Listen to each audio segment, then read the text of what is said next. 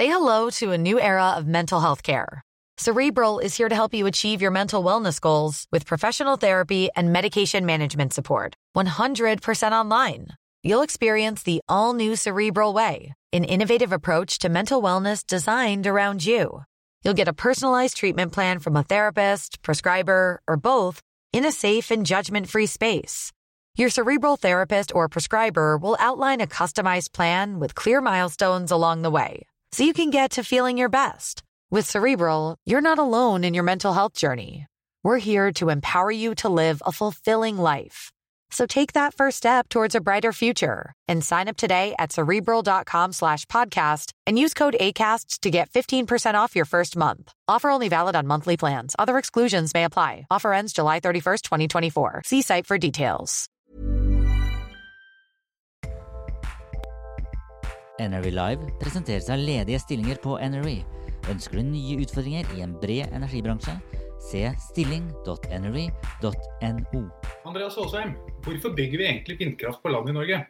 Har vi ikke nok strøm her i energinasjonen Norge?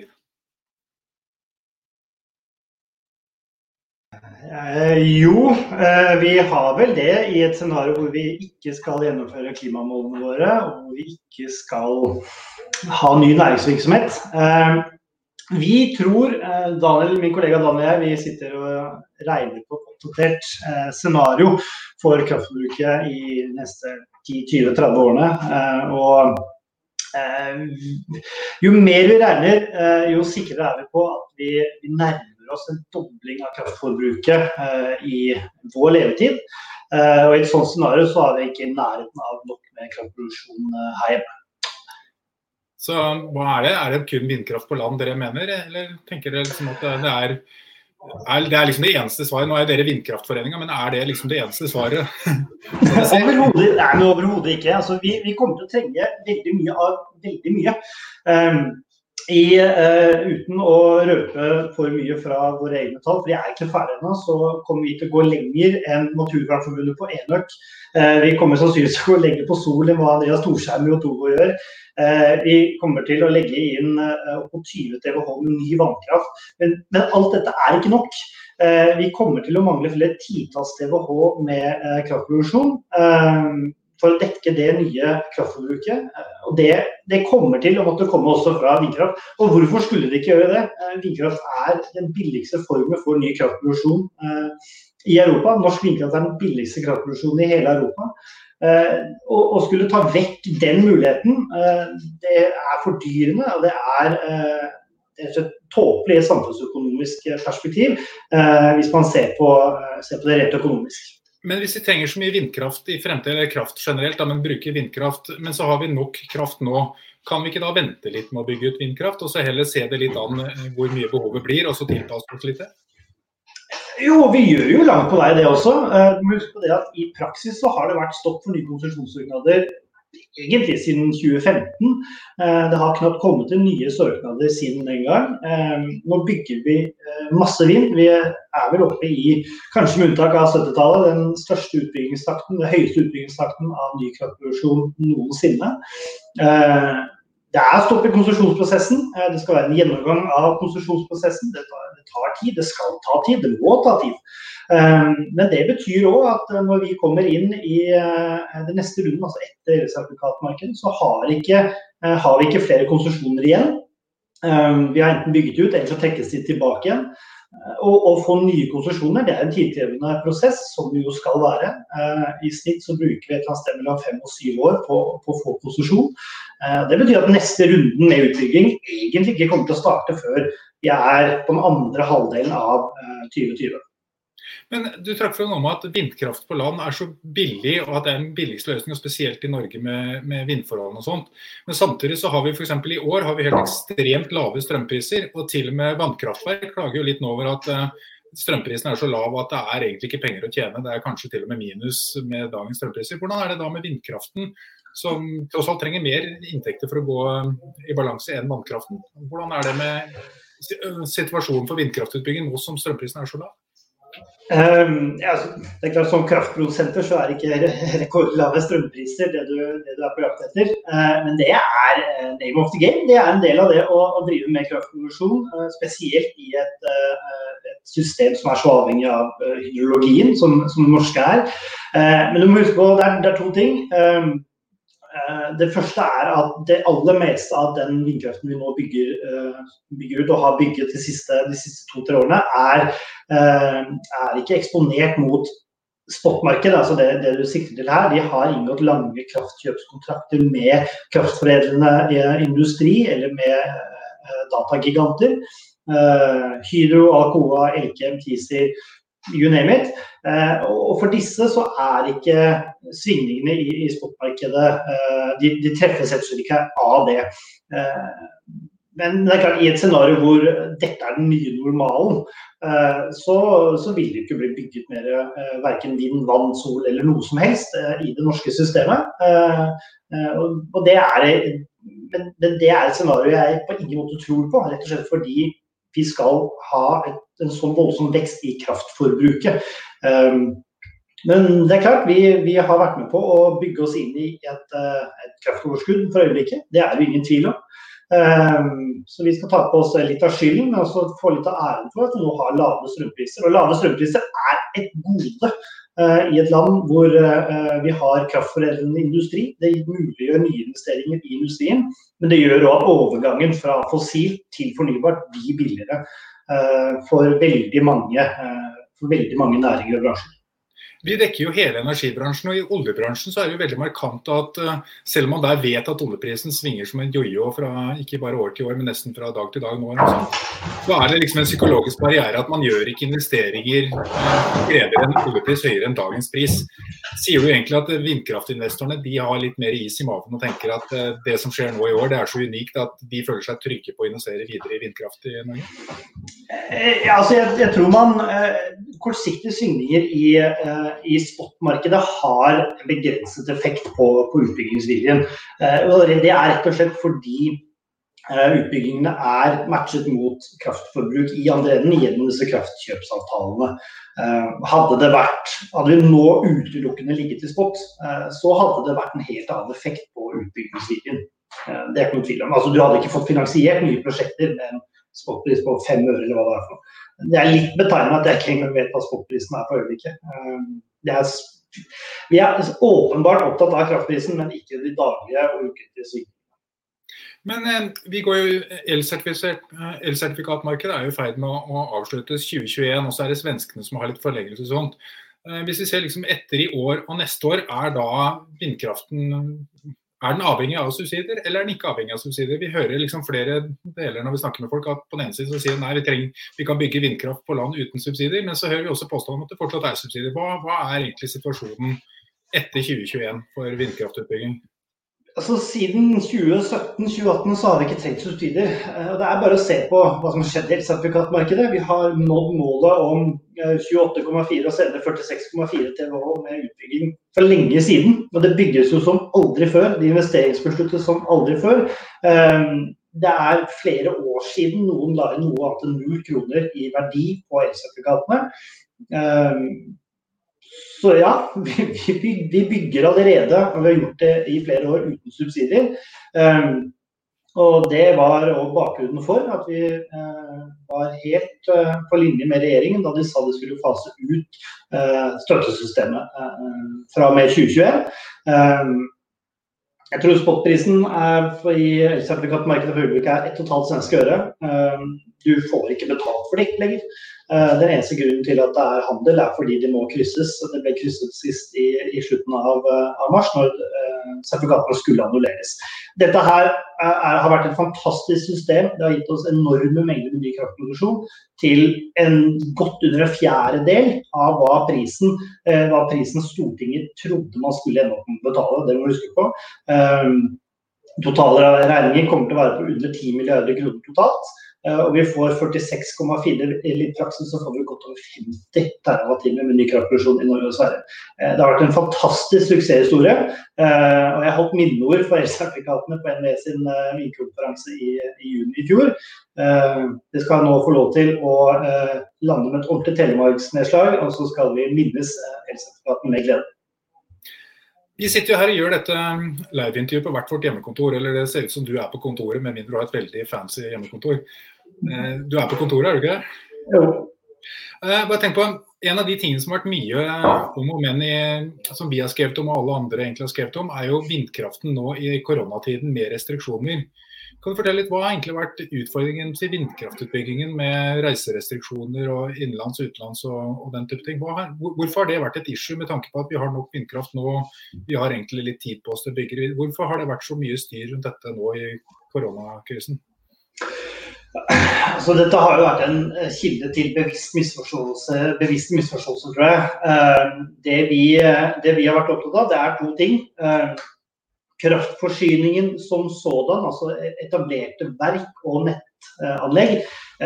Driften av de, vedlikehold av de nødvendige vedlikehold av dette, det er, mener vi, og det mener vi også for øvrig DSB, er samfunnskritisk virksomhet. Vi må ha strøm. ikke sant? Men det vi, det vi, har bedt om, og det vi har fått sammen med ni andre næringer, er blitt definert som Eh, næring med eh, kritisk behov for arbeidskraft. De, eh, våre utbygginger, altså de kraftverk som er under bygging, de er helt avhengig av å kunne gjennomføre turbininstallasjon i sommerhalvåret. Eh, det handler rett og slett om værvinduer og tilgangen til sitene. Komplisert kompliserte løft, og du kan ikke ha for mye vind. Eh, det som skjedde når grensene stengte, også innad i landet, var at det var vanskelig å flytte et utstyr fra en side til en annen. Eh, men også det å få inn spesialkompetanse spesielt knyttet til dette med installasjon. Dette her er kompliserte operasjoner, farlige operasjoner, eh, hvor turbinleverandøren har egne spesialtrente team som mer eller mindre reiser verden rundt for å installere turbinene. Den kompetansen har vi ikke i Norge. Og hadde man hatt innreiseforbud for disse teamene, så hadde utbyggingen av de prosjektene som nå er i pipeline, stoppet opp. Eh, det hadde kunnet blitt kritisk. for Vi vet ikke hvor lenge dette eh, vil vare. Eh, og Derfor var det viktig for oss å få dette unntaket sammen med landbruket og flere andre, for at vi skulle få inn den nødvendige kompetansen for å gjennomføre de utbyggingsplanene som vi har. Så Hvis ikke det hadde gått i orden, så ville du kanskje måtte utsatt eh, vindparken et år? da? Det er det det hadde vært snakk om? liksom? Ja, altså, dette, er, det dette, vet vi ikke. Vi vet ikke hvor lenge dette vil vare. Men i et scenario hvor innreiseforbudet hadde vart til oktober, eh, så er det, eh, er det sånn at vi, vi, kan ikke gjennomføre denne type installasjoner uh, i vintervær i, i Norge. Uh, det er iallfall fryktelig vanskelig å få til. Uh, og Da hadde man kunnet endt opp med at alt ble utsatt i et år. Og for noen ville dette betydd uh, at man er i brudd med konsesjonen, f.eks. Uh, hvilke, måneder er, hvilke måneder er det man ikke kan heise opp en vindturbin? Jeg var på Marke vindpark når den ble bygget i januar. og Da gikk jeg glipp av å se den, for da blåste det for mye. Jeg syns det var litt artig paradoks at det blåste for mye til at man kunne bygge en vindpark. Liksom. Men det var jo januar, det var en vintermåned. Ja, altså, og, Det er uh, veldig forskjell på marker og uh, på Vestlandet eller i Finnmark uh, for den saks skyld. og det, det, er ikke det at det ikke går, men du må ha såpass lite vind at du kan gjennomføre disse løftene 100-120 meter opp i luften med, med blader på 60-70 tonn. ikke sant? Um, så det, jeg tror, tror at snittvinden, den signifikante vinden, ikke kan være mer enn 5-6 meter i sekundet. Og det, er klart, det blåser betydelig mer om vinteren enn det gjør om sommeren i Norge. Eh, så det handler rett og slett om å finne de værvinduene og ha størst sannsynlighet for at få gjennomført løftene. Og det er i månedene april ut september. Ja, så Marke vindpark som er eh, på svenskegrensa, halvannen time kjøretur, eh, det blir vel litt øst for Oslo. Det er liksom ikke de store vindforholdene, mens det er litt annerledes på Vestlandet og Finnmark. Ja. Men du sa det du, du fikk ikke sett på løftet fordi det blåste så mye. Mm. Det hadde sannsynligvis ikke skjedd i juni. Eh, en av de tingene du sa tidligere her nå, var at tok på både skylden og æren for at det er litt lave strømpriser. At eh, når vinden blåser, så presses strømprisene ned. Men det er mange som er kritiske ikke bare til, det er mange som er kritiske til vindkraft, men som er kritiske til at vindkraften eh, også påvirker nettleien og kostnadene med å bygge ut strømnettet. Hva, tenker du om det? Ja, skal man tenke om det? Jo, vind som har kraftproduksjon trenger nett. Uh, og det er, det er flere ting som har vært å nevne her. Uh, vi, jeg noterer meg at enkelte påstår at all sentralnettutbygging som har kommet til Norge de siste ti årene, er pga. vindkraft. Det er en åpenbar feilslutning. Men kan, la oss ta Fosen som eksempel. Der har Statnett besluttet å bygge en høyspentledning over Fosenhalvøya, og så knytte Fosenhalvøya og Sørfjorden, sørsiden av Trondheimsfjorden sammen om noen år. Samtidig som man utviklet vindkraftprosjekter på Fosen. Da kan man velge å se på det som at ja, vindkraften fikk gratis nettilknytning. Eller så kan man velge å man se på det som, en, som man jo faktisk gjorde, at her koordinerer vi nettutbygging med ny kraftproduksjon. Trøndelag er et underskuddsområde, betydelig underskuddsområde. De hadde behov for mer kraft, og det var behov for en ny linje nord-sør gjennom Trøndelag. Man kunne velge om man ville legge det over Fosenhalvøya og få vindkraft. Eller så kunne man legge det på innsiden av Trondheimsfjorden og ikke få ny kraftproduksjon det å koordinere nett og produksjon det er samfunnsøkonomisk meget fornuftig. Um, og jeg er rett og slett ikke lydhør for en kritikk som sier at ja, men dere henger dere på et ledningsprosjekt. Ja, visst gjør vi det. Uh, det gjør alle fornuftige uh, kraftprodusenter. og så er det viktig å, understreke her at A, vindkraftverket betaler sin egen nettilknytning fram til Eh, overliggende nett. Eh, og med det nye regelverket så betaler vi også for det nettet som vi utløser i det vi kaller det maskede nettet, altså det bakenforliggende nettet. Eh, så utløser du en spenningsoppgradering på en trafo 100 km unna kraftverket ditt, så skal du være med å betale for den spenningsoppgraderingen. Så vindparkene er med å betale den. Men hva med en annen innvending som mange har, og det er jo denne med balansekraften. Dette at vinden er kjempefin når den blåser mye, så kommer det masse strøm. Og når det ikke blåser, eller når det plutselig stopper å blåse, så kommer det ikke i det hele tatt. Og man har backup. Det er jo en av de store innvendingene mot eh, vindkraft. Hva, hva tenker du om den problemstillingen? Eh, har ikke kritikerne et poeng der? Men jeg vet ikke hva poenget er. Uh, det, altså, jo, vi produserer ikke strøm hvis det ikke blåser. Uh, det er relativt åpenbart. Akkurat som vannkraftverkene ikke produserer hvis det ikke er vann i, maga, vann i magasinet eller ikke regner. Uh, er det to år siden vi hadde en historisk tørkesommer. Det var ikke fryktelig mange av elvekraftverkene som produserte da heller. Men, men vi, må, vi, må, på en måte ta et steg tilbake her. Vår rolle, altså kraftverkets rolle, er å produsere strøm. Og det gjør vi når det er eh, leger for det. Og så er det et systemansvar å sørge for at det er nok kraft i systemet hele tiden. Men det er ikke sånn at vi ikke betaler for det. Hvis vi er i ubalanse, så vi melder inn i morgen eh, klokken tolv, altså om tre kvarter, så skal alle kraftverkseiere melde inn hvor mye strøm de skal produsere time for time neste døgn. Bommer man på det, så må du betale for den ubalansen du er i. Eh, så det vi egentlig gjør, det, vindkraftparken, det er vindkraftparken som sitter med regningen hvis dere har beregnet feil, altså? Ja, ja ikke hvis jeg, men hvis de, har, hvis de har beregnet feil, så må de selv kjøpe seg i balanse. Eh, så det man sier er at i morgen mellom klokken ett og klokken to så skal jeg levere x antall megawatt-timer, og så ser man hvem som vil kjøpe det. Jeg leverer en vare, og en kunde kjøper den varen. Så og Da betyr egentlig at storparten av den balanseregningen den plukkes faktisk opp av vindkraftprodusentene? Er det sånn å forstå? Ja, vi betaler, eh, Er vi i ubalanse, så betaler vi og det er i stor grad regulert av vannkraft, for nettopp den tjenesten det er. For at vi ikke leverer det vi sa vi skulle levere, eller at vi leverer mer enn det vi sa vi skulle levere. En annen innvending som er veldig hyppig, som vi kommer i hvert fall i kommentarfeltet vårt når vi skriver om vindkraft, og det er jo stort sett hver dag, så er det jo på Vindkraft er jo en fornybar energikilde eh, som er klimavennlig. Samtidig så er man veldig kritisk til at hvis du tar med hele kostnaden, altså klimakostnaden ved å bygge og produsere vindturbiner og transportere og sånn, hva tenker du om det?